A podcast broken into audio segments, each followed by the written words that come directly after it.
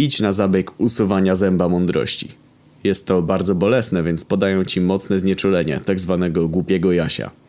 Już po wszystkim. Budzisz się. Leżysz na krześle dentysty, zdezorientowany. Próbujesz znowu zasnąć. Przychodzi mamy. No dobra, Anon, wstawaj, idziemy. Mamy i pielęgniarka trzymają cię za ramiona i próbują przenieść do wyjścia. Przechodzisz obieg wiatraka. Myślisz, że to dźwięk śmigieł helikoptera. Spytaj pielęgniarki. Czy z sierżantem jest wszystko w porządku? Nie widziałem go odkąd wpadliśmy w zasadzkę. Jej twarz mówi, co ty do mnie kurwa pierdolisz? Ale ona stoi cicho.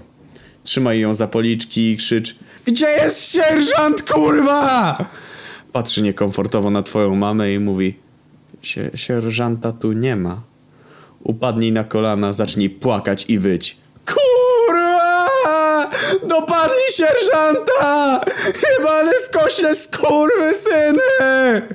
Mama i pielęgniarka niosą wyjącego siedemnastolatka przez gabinet dentystyczny, podczas gdy jego męczą wspomnienia z wojny, na której nigdy nie walczył o człowieku, którego nigdy nie znał.